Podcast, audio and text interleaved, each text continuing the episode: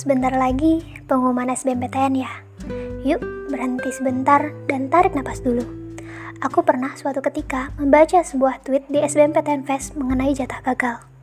Jatah gagal itu ada gak sih? Berdasarkan kepercayaanku, jatah gagal itu ada. Apalagi untuk kamu yang masih sangat muda, masih banyak kegagalan dan kesuksesan yang menanti kamu. Ini yang aku pegang selama ini. Terbuktikah di aku? Terbukti. Aku cerita ya, pernah suatu ketika aku mau pitching agar ide bisnisku dapat hibah. Di saat itu, aku benar-benar takut. Aku cerita ke orang yang deket banget sama aku selama ini. Aku tanya, Mas, aku takut. Karena selama ini aku selalu berakhir menjadi finalis dan peserta doang pada saat lomba. Di situ, dia nyuruh aku tetap maju dan berani.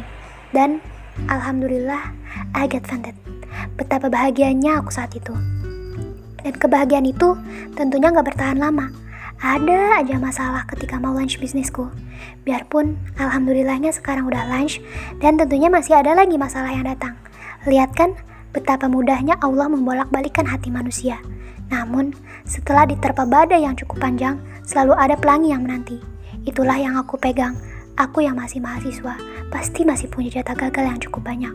Aku percaya itu dan menurutku ini merupakan terapi mental karena mentalku itu bagaikan remahan kerupuk yang diterpa dikit langsung hancur.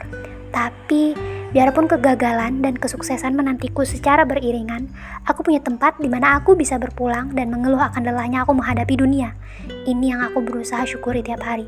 Jadi, aku berpesan, apa pun hasilnya nanti, percaya Allah selalu menyiapkan skenario terindah yang tak pernah kamu bayangkan. Standar kesuksesan menurutmu belum tentu yang terbaik untukmu karena Allah selalu menyiapkan yang terbaik untuk hamba-hambanya.